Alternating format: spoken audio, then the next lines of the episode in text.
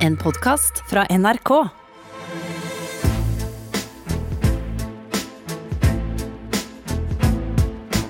Trump mot verden med Gjermund Eriksen og Sean Henrik Matheson.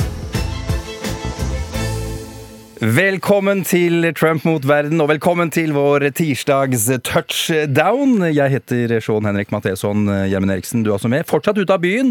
Eh, Vi ser deg ikke, men vi hører deg. Eller jeg, da. Og det er vel tross alt det viktigste, vil jeg si. Jeg syns det, altså. Og, Si- Usikker på om du skulle melde deg på der.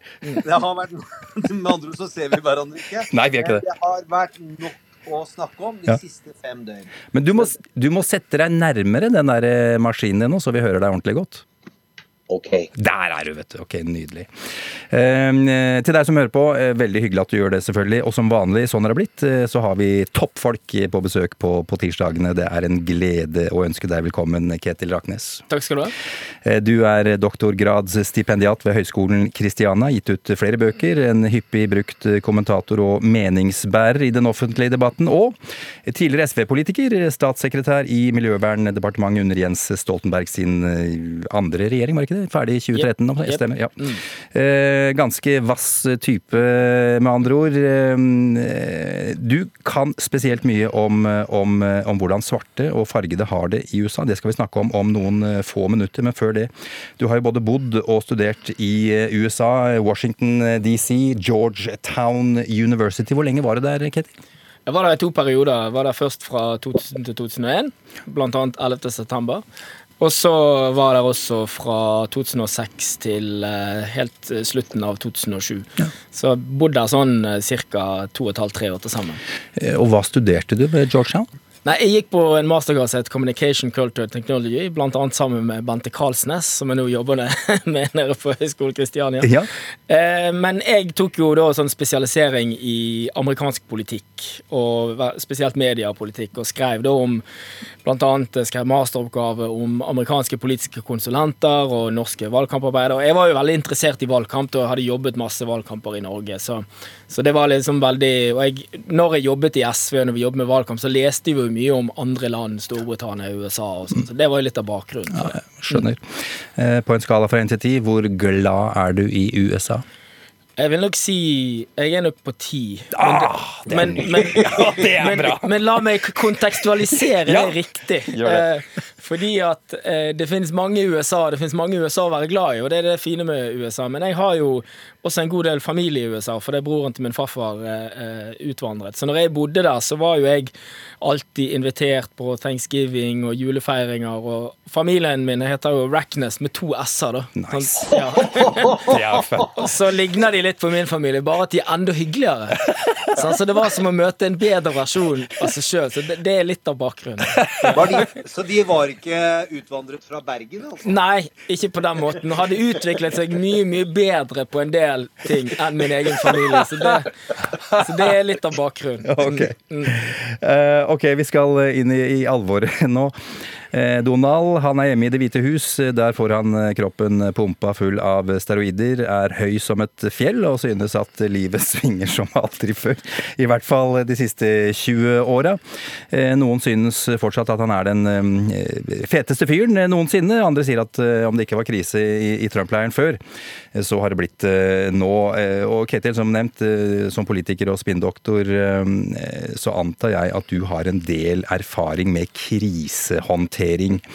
Eh, Hvordan ville du ha rådført Donald om hvordan håndtere eh, sin egen eh, smittesituasjon og den krisen han befinner seg i nå?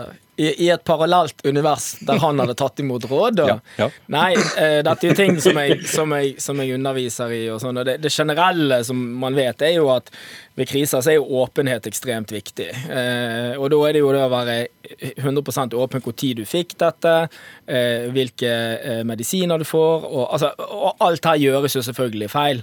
Eh, for det er ingen åpenhet om noen ting, og det er masse forvirring. Og om man nå er tilbake og bare er pumpet full i steroider og kommer til å bli frisk, eller om han burde vært lei. Altså, det er jo ingen som vet. Men, men dette er jo også Trumps modus operandi. Sant? Altså, det er jo ikke rart at han For hans måte å drive politisk kommunikasjon på går jo mot tradisjonen. Og dermed så vil også krisehåndteringen gå mot tradisjonen. Ja, hvordan da? Hva mener du med mot tradisjon? Nei, at, at han eh, ser jo ikke på sannhet eller åpenhet på den Altså, hans tilhenger Han har et annet type bånd til sine tilhengere. Som ikke handler om rasjonalitet og åpenhet, men som handler Og det er litt det vi skal snakke om senere, nemlig identitet. At han er deres mann i en større kamp for å bevare liksom den hvite overmakten i USA. Og da er korona og alt dette her, det er jo bare sånn humper i veien. Du ser de som står utenfor sykehuset og sier 'jeg vil dø for denne mannen'. Og gjett opp. Og han han er villig til å dø eh, også for den kampen han kjemper. Ja, du er Trump villig til å dø? Tror du, Ja, i, for, for kampen sin? I praksis ser du jo det nå, at han reiser seg fra sykehussengen. Han vil ikke være svak. Sant? Og det er det dette handler om. For han handler dette om også hvordan han fremstår. Det handler jo alltid om det for Trump. Mm, Sant? Det eneste han er opptatt av, er sitt eget image, har jeg skjønt. Ja, ja, begravelsen vil jo han også Ja. forsøke å regissere. Ja, tror, han, tror han har en plan der, Han har sikkert en plan for det også. Ok. Eh, du, Han, eh, jeg syns Rick Wilson sa det bra fra Lincoln Project. Han, han er en uh, weak man's ID of a strong man. Ja, noe sånt. eh, du nevnte rase, eh, Ketil. Vi skal snakke om race. For å forstå USA så er det helt avgjørende å forstå rase, og da selvsagt hvordan de, de svarte har hatt det. I'm a black man in a white world. I'm a black man in a white world. I'm a black man in a white world. I'm a black man in a white world. I feel like I've been here before. I feel that knocking on my door. I feel like I've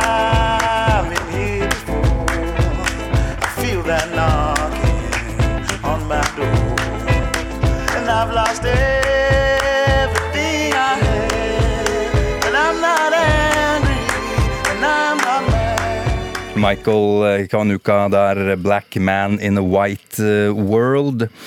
Eh, De første afrikanske slavene ble ført til land i USA rundt eh, 1620, og det ble først forbudt med slaveri i 1865, etter borgerkrigen, eh, og kongressens to tredjedels eh, flertall.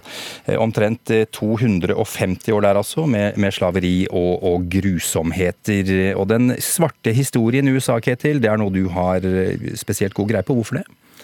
Er jo litt sånn, eh, Jeg bodde i USA i mange år, eh, og når jeg kom der, så forsto jeg jo ikke hvor dypt disse tingene gikk overhodet. Jeg husker jeg hadde afroamerikanske studenter i klassen, og så spurte jeg noen av dem hvorfor de snakket litt annerledes. Altså, jeg, jeg, jeg gjorde en del sånn typiske tabber som man kan gjøre når man, når man kommer til et land fra utsiden, og så sa de ja, men dette skjønner du ikke. sånn, og Siste runden jeg bodde der, så bodde jeg også i et sånt afroamerikansk strøk, som var veldig preget av fattigdom og, og, og, og nød. Jeg forsto liksom ikke helt hvordan dette var mulig. og Jeg husker jeg var på sykehuset en gang, så ble jeg bedt om å ta aids-test. og Jeg sa jeg hadde vondt i foten og hadde ikke aids. Så sa han ja, men her i det området her har 40% aids.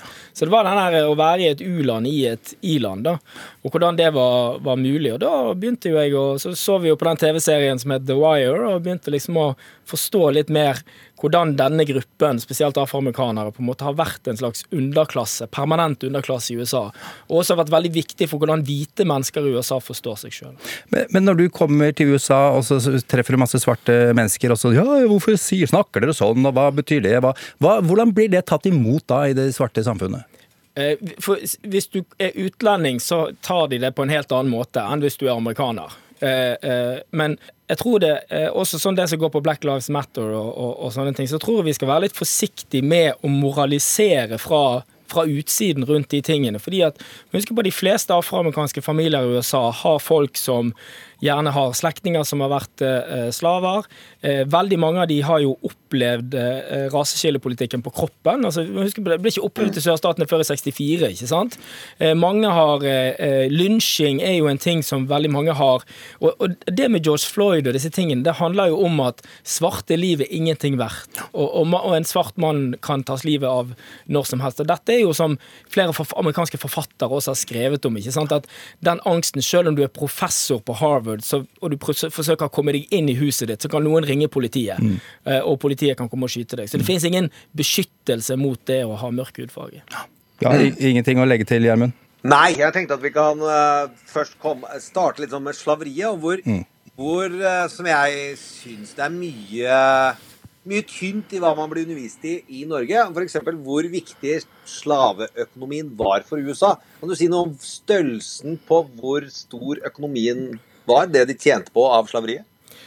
Altså, det er jo eh, altså, Ved inngangen til borgerkrigen så antar man jo at rundt uh, Altså at slaveriet var rundt halvparten av bruttonasjonalproduktet i uh, USA. Og det som var viktigst med slaveriet, var jo at det at du eide slaver, det kunne du bruke til å ta opp lån. Og, og en annen ting som er undervurdert, i amerikanske grunnloven så var jo en slave regnet som 60% menneske. Det var grunnen til at sørstatene dominerte sånn i perioden før borgerkrigen. Fordi at de fikk kongressrepresentanter på at de hadde slaver. De fikk jo ikke stemmerett eller noen ting, men det gjorde disse statene ekstra eh, eh, mektige. Eh, og i forkant av borgerkrigen så er det klart at nordstatene profitterte jo på disse tingene eh, eh, også. Det de var uenige om, var jo om slaveriet skulle bre seg vestover. Sant? Inntil disse nye statene. Og liksom Abraham Lincoln var ikke nødvendigvis mot at altså Sørstatene kunne jo holde på med sitt, men de ville ikke at dette skulle dominere hele USA. Men hva mente du? Altså 60% menneske, Kongressen og alt mulig. Hva, jeg skjønte ikke helt hva du mente der, Ja, at, at eh, når man lagde grunnloven i USA, så skulle man eh, ha en formel for hvor mange medlemmer du kunne ha i Kongressen. ikke sant? Den skulle være basert på folketall. Da var spørsmålet Sørstatene hadde masse slaver. Skal, skal de telles som mennesker? og da var det et kompromiss, da. At en slave telles som 60 menneske. Åh, Gud, Ja. så guffent. Men, Ja. altså det betydde jo at Grunnen til at de første eh, presidentene i USA stort sett var slaveeiere overfor sørstatene, var at sørstatene var overrepresentert pga. slavebefolkningen. Der det var poenget. Og, og veldig viktig, det skjønner sikkert alle, men de Ja. fikk jo da ikke 60% stemmerett. Så dette handler Eh, bare om å få ja. ressurser og makt til hvite mennesker i sørstatene. Yes. Eh, Men, men selv om altså slaveriet ble, ble forbudt i 1865, så, så fortsatte man, fortsatte man i, i sørstatene å, å, å kontrollere eller ha kontroll på da, den, den svarte befolkningen. Eh, Hvordan foregikk det? Nei, altså det, det var liksom som Gjermund sa, at, at det som forundret meg veldig, og som jeg tror forundrer andre veldig, når du setter deg ned og forsøker å lese amerikansk historie litt sånn ordentlig, er hvor mye man ikke vet sjøl. Og hvor lite populærkultur eh, har hjulpet deg med disse tingene. Tatt av for eksempel, den mest sette filmen i historien, handler om hvordan slaveriet egentlig var en god idé. Og, og på en måte svarte mennesker trivdes i sin underdanighet. Og det henger jo sammen med et annet fenomen, at amerikanerne sjøl har jo aldri tatt den historien helt inn over seg, eller ønsket å formidle den. Men for å svare kort på spørsmålet ditt. Etter borgerkrigen er ferdig, så er selvfølgelig sørstaten i ruiner, 700 000 mennesker har dødd, det er helt forferdelig. Så kommer det da en periode hvor nordstatene faktisk okkuperer sørstatene. Eh, Og sier at eh, nå skal vi gjøre sørstatene til eh, noe nytt. Veldig mange svarte mennesker blir valgt inn i ulike råd og, utvalg, mens de som bor der, syns dette er helt forferdelig. Så i 1877 er det et presidentvalg, og de blir ikke enige om hvem skal være president. Da gjør sør- og nordstatene et kompromiss. At nordstatene trekker seg ut. Altså, Tenk deg hvis liksom Altså etter andre verdenskrig, liksom tyskerne er slått, og så liksom sånn ti år etter, så sier de allierte liksom Nå får dere klare dere sjøl, naziene skal få makten til, tilbake igjen, vi gidder ikke holde på med dette lenger. Det var i praksis det som skjedde. At de som tapte borgerkrigen, fikk tilbake alle posisjonene sine, og da var det jo Ku Klux Klan og lynsjing for alle penger. Og da installerte man da dette regimet som vi kjenner så Martin Luther King var jo den som bekjempet, ikke sant, Ja. på, på 60-tallet. Det ble jo gradvis etablert da fra slutten av, av 1800-tallet. Hvilket regime det, snakker vi om dette, kal- er, dette er det som kalles Jim Crow-loven, Ja, ikke sant? ja. Dette er jo det som vi betegner som raseskille. Da, som var, et, var litt Apartheid. apartheid, egentlig, og som var ulikt praktisert litt fra stat til stat, men hvor hovedformålet var da at svarte skulle bo i egne områder, de skulle, eh, de skulle ha en viss type jobber. Eh, og så tror det er viktig å huske på hvor, hvor grusomt dette var også, i den forstand at de kunne ikke se på hvite mennesker på Altså Det var masse uskrevne lover knyttet til dette. Og det alle svarte mennesker i sørstatene visste, det var at den minste overtredelse kunne ende med drap. Eller lynsjing. Um, og, og det er jo en annen ting som, som historikere holder på med nå, er å grave opp alle disse historiene. ikke sant? Altså, vi har jo ingen oversikt over hvor mange mennesker som faktisk ble lynsjet. Eh, og, i, eh, og det er aldri noen som har blitt straffet for disse tingene heller. Så det egentlig borgerkrigen og liksom etterkant av borgerkrigen er jo egentlig snakk om massive krigsforbrytelser, egentlig forbrytelser mot menneskeheten som aldri har blitt gjort opp for, eller som på en måte har blitt diskutert. Da. Og det tror jeg er viktig å huske på i forhold til liksom hvor heftig nivået i en del av de debattene er. Eh, nemlig at veldig mange mennesker i USA føler at denne historien på en måte ikke har blitt Altså en ting er liksom, Det er ikke nødvendigvis snakk om penger, det vil jo også være snakk om en form for anerkjennelse. eller minste. Og Trump er jo der i dag at han sier at sørstatene var helt konge. Sørstatsflagget er kjempebra. Eh, vi, skal, vi skal være stolt av vår eh, historie. Så, så der ligger jo mye av den temperaturen i konflikten, sånn som jeg ser det, ligger jo veldig mye i et land som på en måte ikke har tatt et oppgjør med sitt eget historie, som på en måte er litt sykt, da. sant? I den forstand. Mm. To ting jeg syns i forhold til det Ketil sier der. Det ene er jo massakrene og lynsjinga vi har snakka om tidligere. Tulsa, ikke sant? der han Ja, ja. vil ha åpningen av sin valgkamp, er den største kjente massakren som har vært. Der man ennå ikke har eh, funnet ut av hvor mange som ble drept, og hvor mange som har dødd. Og så må man tenke på antall hvite menn som er trent opp på slutten av 1800-tallet, tidlig 1900-tallet. til at Hvis en svart mann ser på deg, skal du ta med deg kameraten din, skal du gå og denge den. Du skal begynne å denge den. Eh, altså Den viljen til vold mot svarte var eh, skremmende svær. Og at dette var ikke bare et sørstatsfenomen. Det var utrolig, Jeg husker ikke tallet, men det er liksom ti jeg lurer på om det er 10 000 medlemmer av KKK bare i New York. Og visstnok bestefaren til uh, faren til Trump ble arrestert på et uh, Ku Klux Klan-rally på tidlig 20-tallet i USA. Ja, og det, det er sånn som du sier, Gjermund, det er ganske interessant, ikke sant, at høyde på egentlig da etterkant av borgerkrigen, og spesielt liksom rundt altså fra 19, 1900 til 1920-30, er jo egentlig høydepunktet for amerikansk rasisme. Så på et tidspunkt der så er jo Ku Klux Klan en av de største landsdekkende organisasjonene i USA, og hvor vanlige amerikanere, som, som Gjermund sier, også i nordstatene var det liksom, og Ku Klux Klan hadde marsjer i Washington DC og med 20 000 mennesker, og alle gikk med disse forferdelige hettene sine og sånne ting. Så, så, og for dere som er opptatt av populærkultur, så er det jo bare å se på hva har Altså sånn som nå, da. Nå sitter jeg og ser på HBO om kvelden, og nå er første gangen jeg ser en rekke serier som forsøker å tematisere amerikansk problematisk historie knytta til rase. Hvilke serier er det, da? Nei, du har jo den eh, Watchmen, for eksempel. Mm. Uh, veldig interessant. Og den tar jo, begynner med dette Tulsa som Gjermund snakket om, ikke sant? Hvor eh, en av hovedpersonene nettopp er et barn som unnslapp denne massakren i, i, i Tulsa. Og, og, og USA er fortsatt eh, på en måte eh, eh, Altså liksom eh, rase USA er blitt et multikulturelt samfunn, men et veldig autoritært eh, eh, samfunn. Eh, Eh, og så eh, ser man det Det var jo noen som sa det, han David Simon som laget eh, eh, The Wire, sa jo det at 'Twelve 12 Years a Slave var liksom første gangen slaveriet var blitt skildret sånn det egentlig var. For eksempel det der å skille Altså, det man gjorde, var at man hadde auksjoner hvor man tok barn og solgte barn fra foreldrene. Og da var det veldig viktig òg at slavene skulle aldri få lov å vise følelser. Så når barna dine ble solgt, så ble du gjerne samtidig tvunget til å synge. Sant? Så det er en sånn enorm dehumanisering som ligger i eh, hele det eh, eh, konseptet som, som, som lå der, som, som også jeg tenker er litt sånn underfortalt. For historien om borgerkrigen ble ofte historien om to hvite hærer som sto mot hverandre. Mens de borgerkrigen egentlig handlet om, ble jo ofte betegnet som sånne her eh, statister, eller deres historie har liksom ikke spilt noen rolle i dette. Ja. En annen serie man kan trekke fram, er Lovecraft County, Country, som er eh, fra en som skildrer da de svartes kamp for å overleve i sørstatene inni en horrorfortelling som ikke jeg har turt å se, for den er visstnok så skummel. Ja, er- Men for andre så kan det jo være greit. Det er noe monster involvert, er det ikke det? Jeg tror det er det. Eh, Bare en ting eh, som dere to nevnte eh, i sted, og som er noe vi gjerne leser om når vi leser artikler, det er Jim Crow. Hva, hva er det for noe? For, forklar hva det handler om, Ketil. Jim Crow eh, stammer jo fra en sånn eh, eh, Altså, Det man gjorde med disse veldig mange svarte, var at de også ble brukt til underholdning. Og dette Jim Crow, altså det begrepet er fra en sånn låt hvor en, hvor en svart mann på en måte gjør seg til. Ikke sant?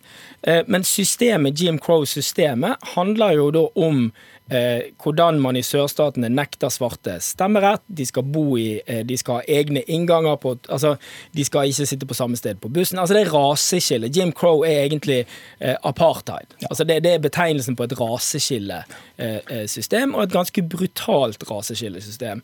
Og for de av oss, det husker vi jo hvis vi har sett filmer som Selma, og det kan vi jo en del om. Altså borgerrettighetskampen i USA, ikke sant? Mississippi Burning. Og Mississippi Burning med, med når eh, Gene Hackman forklarer disse unge studentene hvor farlig det egentlig er i sørstaten. ikke sant? At dere må ikke komme ned her og tro at dere bare kan gjøre eh, hva som helst. Og sjøl den dag i dag.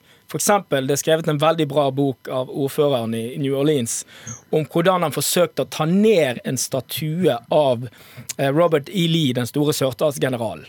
Og hvordan de endte opp til slutt med at det var kun et afroamerikansk firma som ville påta seg dette oppdraget. De måtte møte opp midt på natten med finlandshetter og tildekk. Altså, fordi at liksom den delen av som ønsket liksom å hedre sørstatene, fortsatt står så, står så sterkt i sørstatene. Selv om slaveriet slaveri ble forbudt i 1865, som vi har sagt opp opptil flere ganger nå, eh, så, var det da en hard kamp i nesten 100 år fram til The Civil Rights Act ble underskrevet og ratifisert eh, av president Lyndon B. Johnson i 1964. Men som vi alle vet, undertrykkingen av de svarte stoppet jo ikke opp i 1964. Men kjapt eh, to ord om Civil Rights Act, eh, Ketil. Ja, egentlig en fantastisk bragd av Lyndon B. Johnson. Var sjøl fra sørstatene. Fikk masse folk fra sørstaten til å gå med på dette. Men så sier Lyndon B. Johnson en viktig ting når han inngår denne avtalen. We've lost the South for a generation.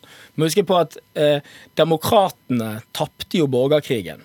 Så, så demokratene var jo det partiet som da styrte i sørstatene, var rasistpartiet i USA. Og under New Deal-perioden så var det jo en slags eh, allianse mellom på en måte New Dealerne i storstaten og rasistene i sørstaten. ikke sant? New Deal, hva er det for noe? Nei, det er, eh, det er liksom det store programmet til, til, til Roosevelt, som mange demokrater ser tilbake på som en sånn høytidsperiode. I, og Green New Deal og alt dette det handler om folk flest skal få det bedre i, i USA.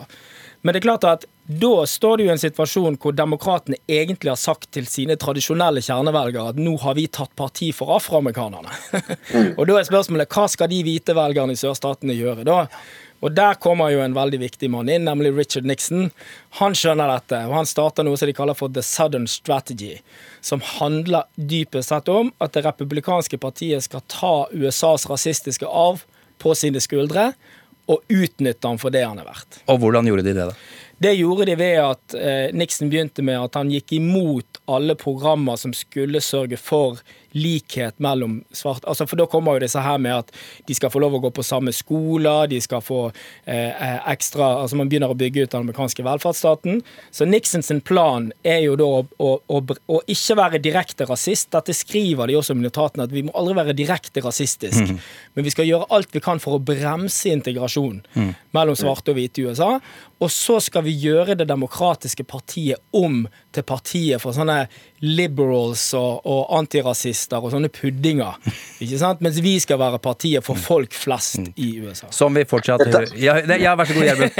ja, dette, her er, dette her er jo sjølve grepet som mener mange da, eh, starter polariseringen. Nemlig at før så var Det demokratiske partiet blanda av ulike kulturer, og Det republikanske partiet blanda av ulike kulturer. Og så får man rett og slett en form for gerrymandra de to størrelsene fra hverandre. Eh, og man oppretter dette kodespråket som Lee Atwater, en veldig kjent kommunikasjonsstrateg for både Nixon og Reagan, eh, sa uten at han visste det, tror jeg, på et opptak, at på 50-tallet kunne man si nigger, nigger, nigger. Ja, bare siterer sitere igjen. Mens på 60-tallet begynte man å si uh, welfare queen, nei, welfare og urban uh, problems som kodeord for å si at vi er imot de svarte, vi er imot uh, sosiale velferdsordninger, som alltid er et kodeord for svarte. Og som Reagan fulgte opp, og som egentlig også Clinton tok inn over seg noe av det språket, ifølge Stuart Stevens, en fyr vi intervjua for fem uker siden. Bare for altså sånn, det, Jeg tror det er utrolig viktig at vi ikke ser på Trump som et isolert fenomen. Trump er the Southern Strategy 2.0. Sant? Altså, han, han er Jo, men det mener jeg. Han er Ja, ja, helt? Lik. Altså, Nixon sin, sin store inspirasjon var jo George Wallace, den rasistiske sørstatsguvernøren som liksom på en måte stilte du i presidentvalget i 64 og, og gjorde det ganske bra i nordstatene også ved å snakke om segregering og, og, og at afroamerikanerne måtte skjønne sin plass i, i, i samfunnet. Så Trump er jo egentlig da the sudden strategy uten kodespråk lenger. Nå er det ikke noen koder. Altså Kodene er på en måte bare revet vekk. Um, så, så, så, det, så, så, så det Trump egentlig fullfører jo da en strategi som han startet med for lenge siden. Og sånn som Gjermund sier, siden 1964 har demokratene aldri vunnet et flertall av hvite velgere i USA. Aldri. Nei, ok. Så det, det, det er det som er skisma. Lyndby Johnson hadde helt rett. Ja. Men eh, framover fra 1964, hva er det viktigste eh, i den økonomiske politikken for å holde svarte nede? Altså det er jo det er sammensatt, men, men det som skjer da, er jo når Lyndby Johnson starter med dette Great Society og sånn, så utvides jo mange av velferdsordningene til også å omfatte afroamerikanere og minoriteter. Og dette bruker republikanerne for alt det er verdt, og da begynner de da å beskrive den amerikanske velferdsstaten som et sted hvor minoriteter, som welfare queens, at dette systemet bare utnyttes av underserving poor, eh, eh, som de kaller det. Og det blir noe av argumentet til republikanerne for bygg, og det brukes jo fortsatt. Sant? Hvis du spør en del hvite velgere i, i USA hvorfor skal ikke du ha velferdsstat, så sier de bare ja, jeg vil gjerne ha velferdsstat, men hvis alle disse udugelige minoritetene skal få disse pengene, så vil jeg ikke ha de. Og det, altså hvis du skal forklare hvorfor f.eks. en del hvite mennesker som har lavere utdanning, er mot at de sjøl skal få helseforsikring, noe som i utgangspunktet virker litt absurd, så er grunnen at de er mot fordi at de liker ikke de andre gruppene som skal få det heller. Høres helt vilt ut. Ja, men du må huske på at de ser jo på dette som en Dette er jo alltid sånn debatt, det er de egeninteresse, egeninteresse. Det går jo an å handle i tråd med sin etniske egeninteresse. Sånn At jeg mener at min gruppe skal være på topp i det amerikanske samfunnet. Derfor vil jeg ikke at noen andre grupper skal true den posisjonen. Da er jo det på en måte Ja, det på er jo det det. Trump liksom forsøker å si. Han forsøker å appellere til en På samme måte som religiøse sier at de vil appellere til noe som er høyere enn penger, da. Så, så sier Trump det samme. Og her er det noe, altså Ezra Klein kom med en fantastisk bok i februar tror jeg, om eh, polarisering i USA, hvor han viser til noen grunnleggende menneskelig forskning om hva, eh, hvordan dette kan utnyttes. Nemlig at vi er mer opptatt av at noen andre ikke skal få noe, enn om vi får noe selv. Og med det så kan den hvite underklassen til å hele tiden stimulere at vi skal hjelpe til slik at de andre ikke får så mye, du, eh, men vi trenger ikke gi deg noe heller. Det er i hvert fall en venstresideanalyse av hvordan dette ble utnytta. Ja, men det kom jo akkurat en bok av to statsvitere i USA som heter Let them eat tweets. Hvor egentlig Nei, hvor jeg syns de begrunner veldig godt. Altså, for det er jo et sånt Jeg skrev jo om det for en stund siden i Morgenbladet også. Det er jo veldig rart dette med I Europa så er det jo sånn at de høyrepopulistiske partiene går til venstre i den økonomiske politikken. Mens i USA så har du en del arbeiderklassevelgere som stemmer til høyre på et parti som beveger seg stadig lengre til høyre. Du skjønner ikke helt hva de skal med disse skattelettene og disse, altså den veldig liberale økonomiske politikken. Og der kommer jo det inn. ikke sant, At løftet er egentlig bare at dere er Og det var jo det gamle løftet i sørstaten også, at liksom du er fattig, men du er i hvert fall mer verdt enn afroamerikanerne og de andre. Ja. Så du er i hvert fall en del av en privilegert gruppe. Og hvis du ser på et Trump-rally, de menneskene som står der og roper USA, USA, så er ikke det de tenker på da et bredt, inkluderende, multietnisk USA. Det er et ganske smalt USA. Ja, helt klart. Eh, La oss snakke litt om hvordan eh, det står til med svarte og fargede i USA i dag. Freedom,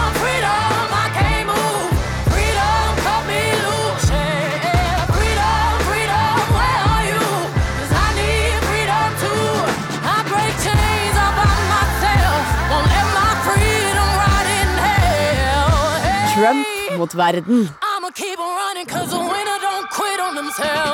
Ketil, eh, hvordan har svarte og fargede det eh, i USA eh, i dag i forhold til rasisme? Altså, Hvis du skal se på den økonomiske utviklingen, da, så er det klart etter borgerrettighetskampen så finnes det nå en svart middelklasse. Det er stadig flere svarte som gjør det bra. Det ser vi også i sport og kulturliv, og også innen innen business. Men jeg tror det er viktig å huske på, det var jo det som var liksom kjernen i The Wire òg, er at det store flertallet har jo blitt værende igjen i dysfunksjonelle gettoer.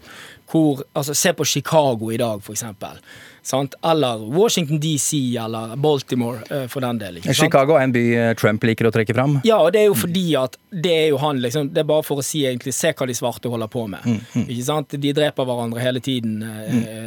Og, og, og, og, det er jo også sånn Altså det, det de kaller liksom eh, Altså velferdsgapet mellom svarte og hvite har jo økt. Ikke sant? At de svarte er liksom ti ganger har ti ganger mindre velferd, eh, de har høyere arbeidsledighet, de Og covid-19, sant. Altså, hallo! Eh, Der ser du det. det. Og det er jo litt av grunnen til at de er så utrolig sint på det. Sant? For det er klart at de er de fattigste menneskene i USA som er mest utsatt, og de dør jo i hopetall nå sammenlignet med hvite. Men Trump sier at du skal ikke bry deg om covid-19. Det har jeg hatt, og det er null stress. Ja, ja. The, the, the strong man is out Oh, det er grusomt. Det er grusomt. Ja.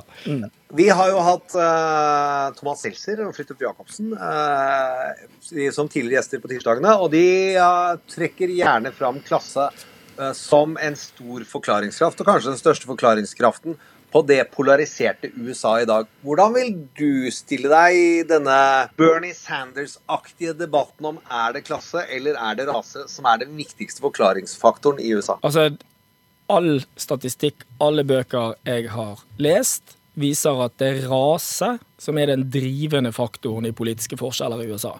Hvis klasse var det viktigste, så burde jo de fattigste menneskene i USA eh, stå sammen på, på ett parti. Sant? Eh, og de fattigste, og det er også det, bare det at vi snakker om hvit arbeiderklasse, viser jo hvor stort problemet er. De fattigste menneskene i USA er ikke hvit arbeiderklasse. Det er afroamerikanere og andre minoriteter. Spanskamerikanerne også er fattigere enn de hvite i USA. Så du kan si at hvis du skal se på eh, klassebasert stemmegivning i USA, de aller fattigste og mest utsatte menneskene i USA stemmer på Det demokratiske eh, partiet. For å friske opp en ting til, hva var det mest utslagsgivende for da den hvite arbeiderklassens grunn til å stemme på Donald Trump? Eh, hvis du ser på American National Election eh, Study, og de som har sett på det, så er grunnen Altså, det som drev stemmegivning for Trump, var ikke økonomisk utsatthet eller økonomisk marginalisering. Det var sånn som vi har sagt tidligere, synet på andre grupper.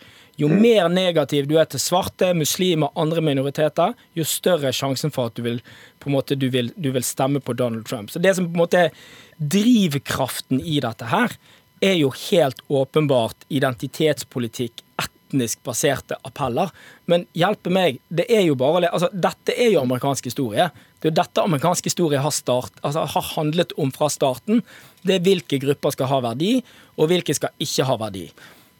Eh, eh, Ke- Har du noe mer å legge til, eller er Kim på eh, Gjermund? Nei, jeg, jeg, jeg lurte på det. Eh, De fikk jo en uh, svart leder i USA eh, i åtte år. Hvilken effekt hadde Barack Obama på synet på svarte blant uh, Vil du si? Ja, så vet vi noe om det? Altså, Ja, ja, eh, løft, ja. det, ironien er at alle sa at når Barack Obama kommer, så er America post-racial society. Det var det motsatte som skjedde. Det klikket faktisk for en del god del hvite velgere. Altså, I de åtte årene Litt av grunnen altså Trump er jo det hvite USAs svar på Obama.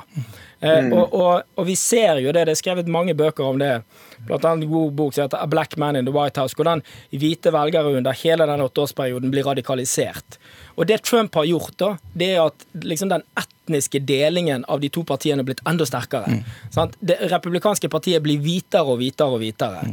Mens det demokratiske partiet blir mer og mer sånn multietnisk. Mm. I motsetning til tidligere, mer stabile perioder hvor de hvite velgerne har fordelt seg ganske jevnt mellom de, og også minoritetsvelgere for fordelt seg jevnt mellom de to, eh, mellom de to partiene. Og Trump har da åpenbart tappa inn i denne radikaliseringen i løpet av disse fire årene, Ketil. Ja, og det, eh, og det er jo interessant, fordi at alle har jo sagt at eh, hvis det republikanske partiet skulle overleve på sikt Det som også en del av disse hvite velgerne driver de til vanvidd, er jo disse projeksjonene som viser at USA i sånn 2040-2050 vil bli et flerretten, altså sånn at minoritetene vil være i flertall.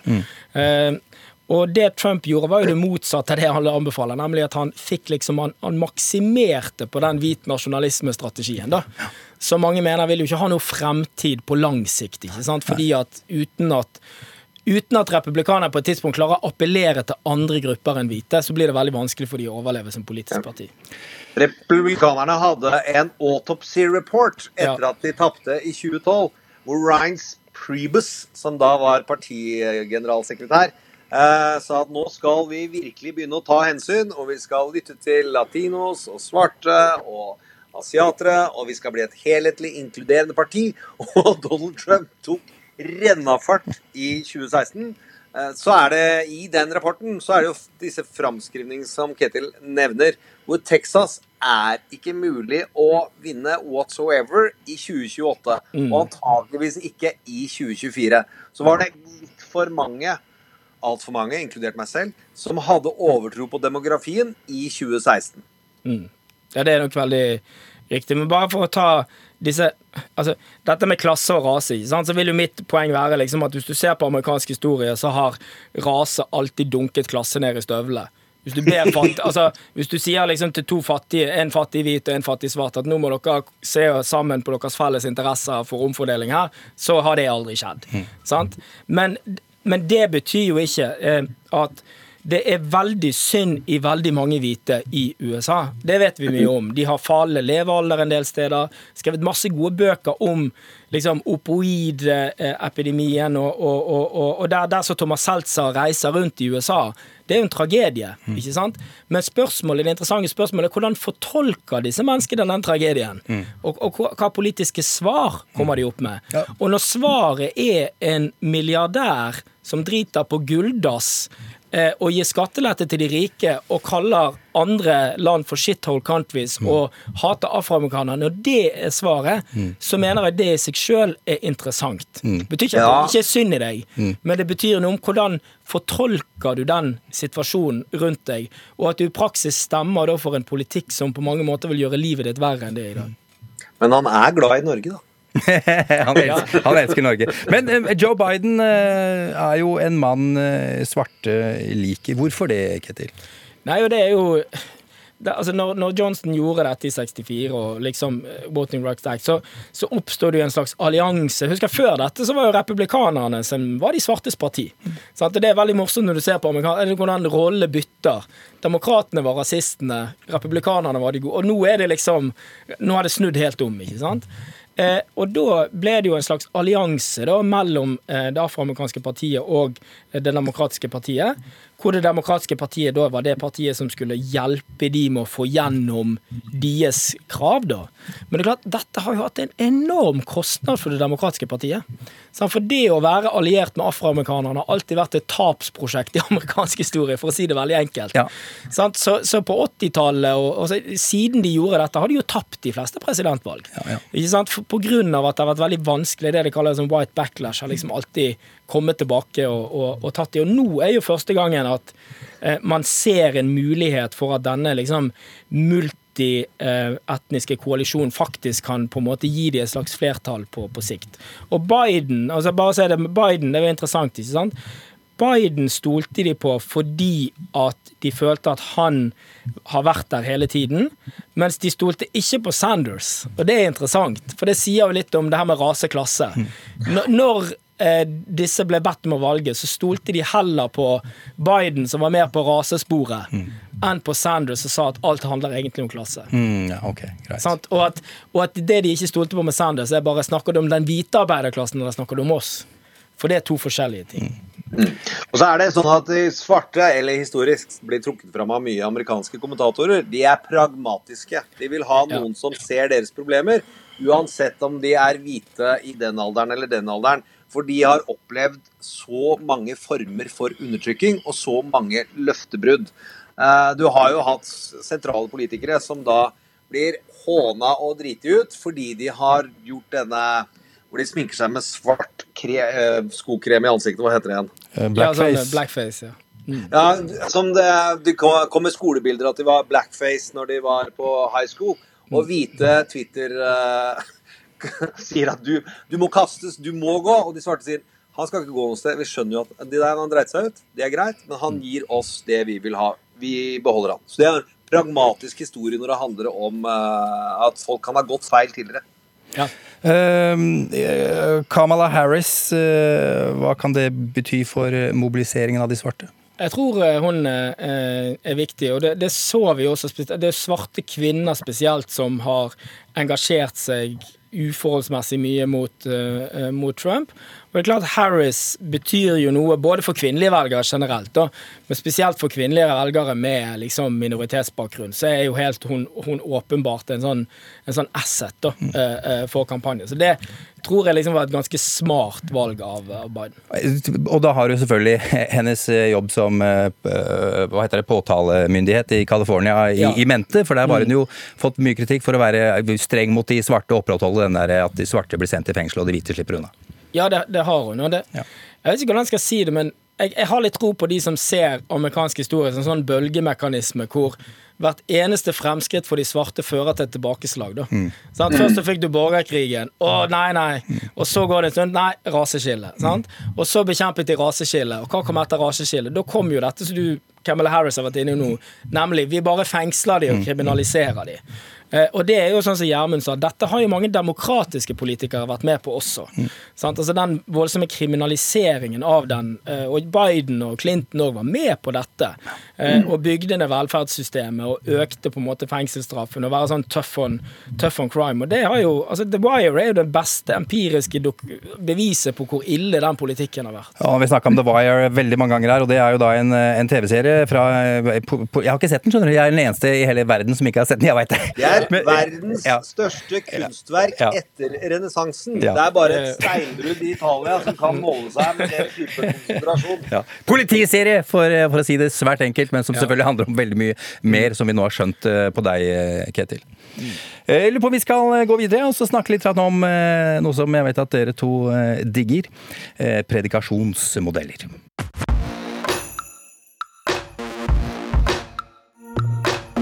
Trump mot verden. Predikasjonsmodeller, altså. Det har jo vi snakka om før, eh, Gjermund. Du, du syns at det er veldig spennende. Eh, Du også, Ketil. eh, Du liker predikasjonsmodell. predikasjonsmodeller. Vi må ta en, en oppfriskning. Hva, hva, hva er det, Ketil? En predikasjonsmodell? Eh, Det heter jo prediksjonsmodell. Prediksjonsmodell! Jeg kan ikke prate, jeg, med andre ord. Ok, greit. Tusen takk. eh, eh, det fins to typer. Det fins de som har da eh, eh, sånn at du ser på økonomi, eh, eh, populariteten til presidenten og sånn, og så forsøker du å forutsi lang tid i forveien hvem som kommer til å bli valgt. Det er en type modell. Og så er det en annen type modell som bruker meningsmålingsdata, og mer sånn, og hvor du liksom aggregerer disse meningsmålingsdataene sammen med demografi, og så forsøker du da å forutsi hvem som skal vinne. Problemet med alle prediksjonsmodeller knyttet til amerikanske valg, er at det ikke er den som får flest stemmer på landsbasis som vinner, det er den som vinner valgmannskollegiet. Og valgmannskollegiet er da bestemt av hver enkelt delstat, og det å finne ut hver enkelt delstat viser seg å være litt vanskeligere enn vi trodde. Ketil, har du en favorittprediksjonsmodell? Ja. Eh, Den de fleste vil eh, gå mot, det er den som heter eh, 538, altså Nate Silver sin modell. da. Snakker mye om det her. Ja, eh, og den, Ja. Fordelen med den det er at den predikerer på riktige ting. Den forsøker å forutsi hvordan det skal være i hver enkelt delstat. Ikke sant? Eh, og så hadde han to valg på rad, 50 av 50 rette, og så bommet han da veldig i eh, 2016. Men, men det kommer jo veldig an på så Det blir jo sånn garbage in, garbage out. Sant? Altså Modellen er aldri bedre enn hva du putter inn i han. Ja, okay. Så hvis meningsmålingsdataen er noenlunde solid, så ligger Biden an til å vinne ganske bra. Ja, sist, sist, jeg så, så var det 22 eh, Altså av 100, da, så ville Biden vinne jeg tror 78 eller et Ja, eller annet sånt. nå de siste ukene så har Biden ligget mellom eh, 30 Nei, altså sånn mellom 70 og 80 sjanse å, å, å vinne. Det er, så, det er sånn det ligger nå. Men det som er viktig å huske på, er at vippestaten er mer konservative enn USA som helhet. Så bare en 2-3% endring, så skifter plutselig én stat, og da blir det jo sånn dominoeffekt. Har du skjønt forskjellen på 538 og Economist-prediksjonsmodellen? Ja. Nei, det forskjell, sånn som jeg kan se det, er at Economist tar også hensyn til økonomiske variabler, selvfølgelig. Altså, eh, Nate Silver ser bare på eh, meningsmålinger og demografi og historiske valg, ikke sant? Han, han fakturerer ikke inn andre typer variabler. sånn Jo, det gjør han, men, han, det- men med en lavere faktor, da, antageligvis. For han tar inn økonomi. Jeg husker bare ikke hva vektingstallet hans er. Ok, ja. Men da er det jo egentlig bare en, eh, at For jeg, ser, jeg så på Economist sin modell, så ligger Biden mye bedre an enn på Nate Silver sin. Og da må det være det at de vekter økonomi. At nå når økonomien går dårlig, så Så, så, så, så det er jo med disse prediksjonsmodellene, ikke sant, så er det klart at at eh, eh, vi har ikke andre data enn de historiske dataene. Og Ja. dermed er prediksjonsmodellen dårlig til å forutsi uventede ting. Overraskende nok. Men det, eh, altså, det tar jeg litt fritt etter hukommelsen. Altså. Mm. Men jeg tror blant annet eh, Silver eh, opererer med flere param eller annerledes parametere om hvordan økonomi vil slå ut på valget. Blant annet troverdighet hos presidentkandidaten på håndtering av økonomi. Og, og der ligger jo Donald Trump fortsatt ganske høyt. Mens det er ikke sikkert at Economist har det inn i forhold til hvordan du justerer eh, økonomiens forklaringskraft på valget. Mm. Ja, det, det, høres, det høres rimelig ut. Men, men bare for å si det veldig enkelt, da.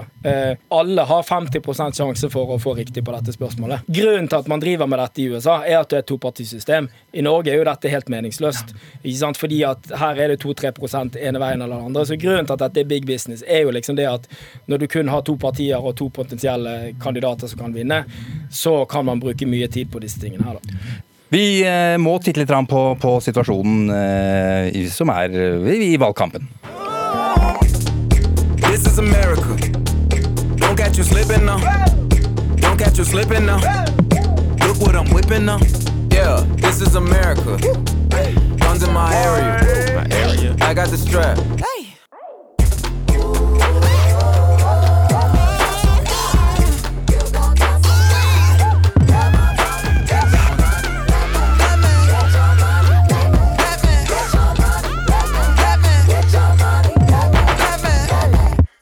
Trump mot verden.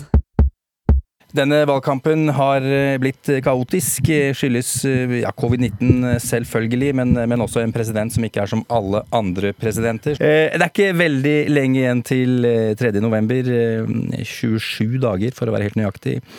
Eh, Ketil, hva mener du vi bør holde et ekstra godt øye på i tiden som kommer i denne valgkampen? Um, jeg har jobbet jo syv-åtte valgkamper sjøl, og det jeg lærte av det, det er at valgkamper går aldri sånn som du har planlagt, og det kommer alltid uventede hendelser. Og denne valgkampen er jo det ultimate eksempelet på det.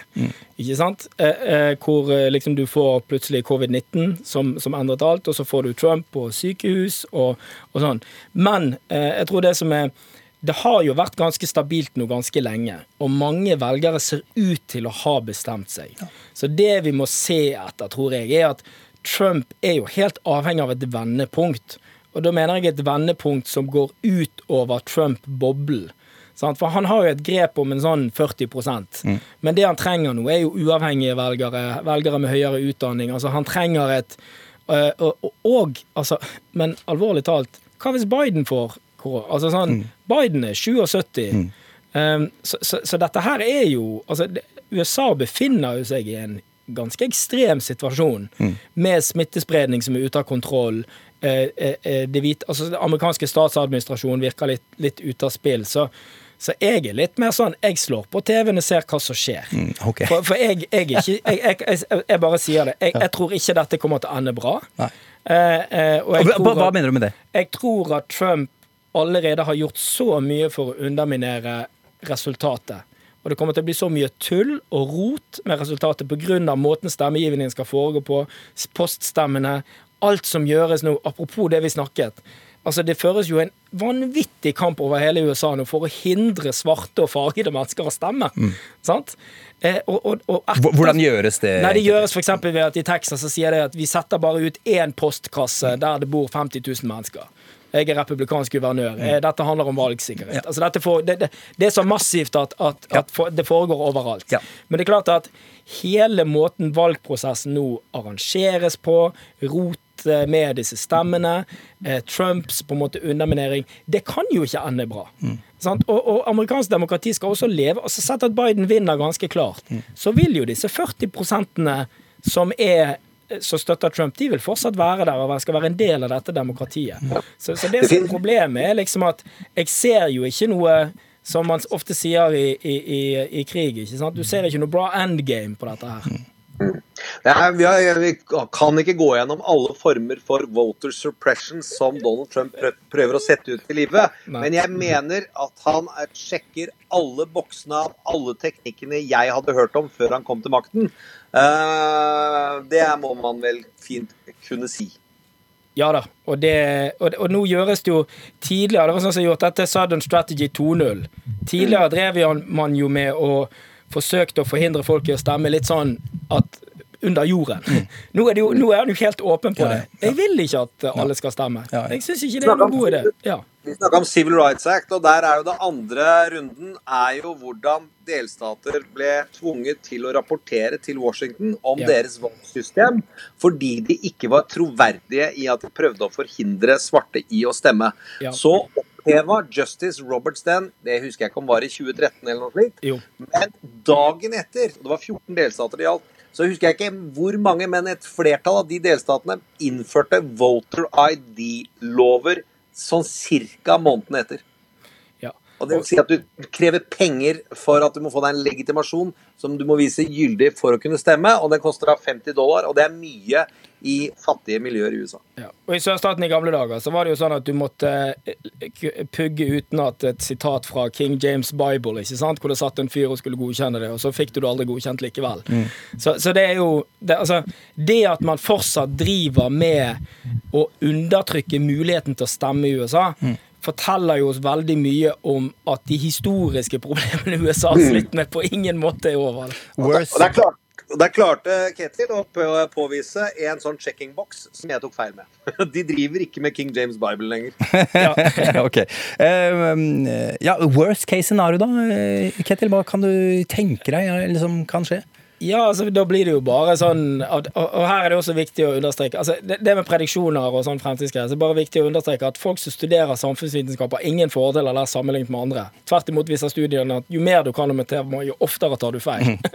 Men for å ta et sånt bredt scenario, da, så er det jo klart at, at eh, det er lett å se for seg et, at det blir strid om valgresultatet.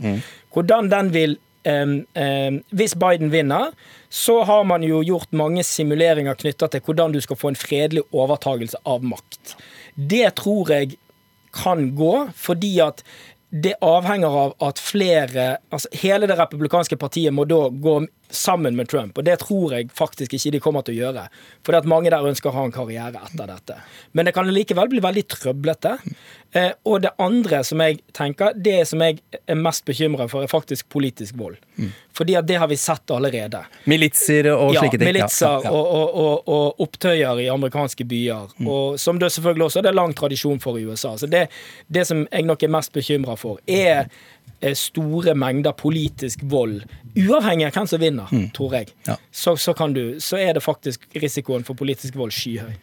Den freudianske slippen uh, 'stand back and stand by', sa han til The Proud Boys i debatten. Ja, det Det tror jeg er uh, viktig å få med seg. Altså. Eh, Men helt til slutt, hvem kommer til å vinne, Ketil? Nei, jeg, jeg kan jo ikke si annet enn at jeg eh, tror det er 20% sjanse for at Trump vinner, 80% sjanse for at Biden vinner. 538 eh, eh, nærmest der, eh, Ketil Raknes. Klok av skade. Du, bare si litt eh, når vi først snakker om eh, Proud Boys. det er jo veldig morsomt og helt fantastisk at homo-homsemiljøet har, har tatt, det, tatt det tilbake, hadde jeg nær sagt, og bruker det. Er, er ikke enig? Jo, OK, greit. Dere er sånn, som passe enig. i Det Det er greit. Jævla homohatere. Akkurat homoer liker vi ikke. Nei, det får være grenser! De får ha et annen podkast. Faen, ass! En annen podkast, jeg er helt enig. Ok. Helt på tampen, Ketil. Du som har vært eh, en del i USA, hva er det sær... Dette er jo klassisk eh, Trump mot verden eh, og tirsdags touchdown-spørsmål. Hva er det særeste, men gode, du har dytta i deg i USA av mat og drikke? Da må jeg ta noe som er veldig amerikansk, men som allikevel er veldig sært. For i Washington så fins det en restaurant som heter Cheesecake Factory. Og Cheesecake Factory, der går de som virkelig er store og liker stor mat. Så når du går på Cheesecake Factory, så er, så er køen er tung, da, Ja, ja, for ja, å si det sånn bokstavelig. Og da var det meg og en kamerat. Vi hadde en sånn at vi skulle klare å spise en double cheeseburger på Cheesecake Factory. Og vi spiste ikke hele dagen. Vi møtte på Cheesecake Factor klokken fire. Og det var altså en fjerdedel Altså, pommes fritesen går liksom i en Altså det er sånn Og løkringene, sant. Altså de går i sånn De er nesten under nesen. Ja. Altså det er sånne høyder. Det er et tårn, liksom. Ja. Ja, så jeg sto der, jeg stappet og stappet og stappet, og jeg fikk det ikke ned. Så jeg følte meg som sånn der Super Size Me. eh. Og det var veldig godt. Og vi er veldig glad for at vi gjorde det. Ja, bra. Men eh, fikk det ikke Fikk det ikke til. Nei. Ja, ok. Eh, Ketil Raknes, tusen takk for at du var med oss her i Trump on verden. Takk skal du ha. En podkast fra NRK. Historien om mannen som nekter å la seg utskrive før han er erklært frisk, er blitt den rene komedien for norsk psykiatri. Etter en tvangsinnleggelse går Arnold Juklerød til krig mot norsk psykiatri. For den som er fratatt alt, den har ikke mer å miste. I protest bor han i over 20 år i telt og brakke rett utenfor sykehuset. Nå tok dere siste rest, og gjorde meg dermed til deres farligste fiende. Hør dokumentaren Diagnose kverulant i podkasten Hele historien og på NRK P2.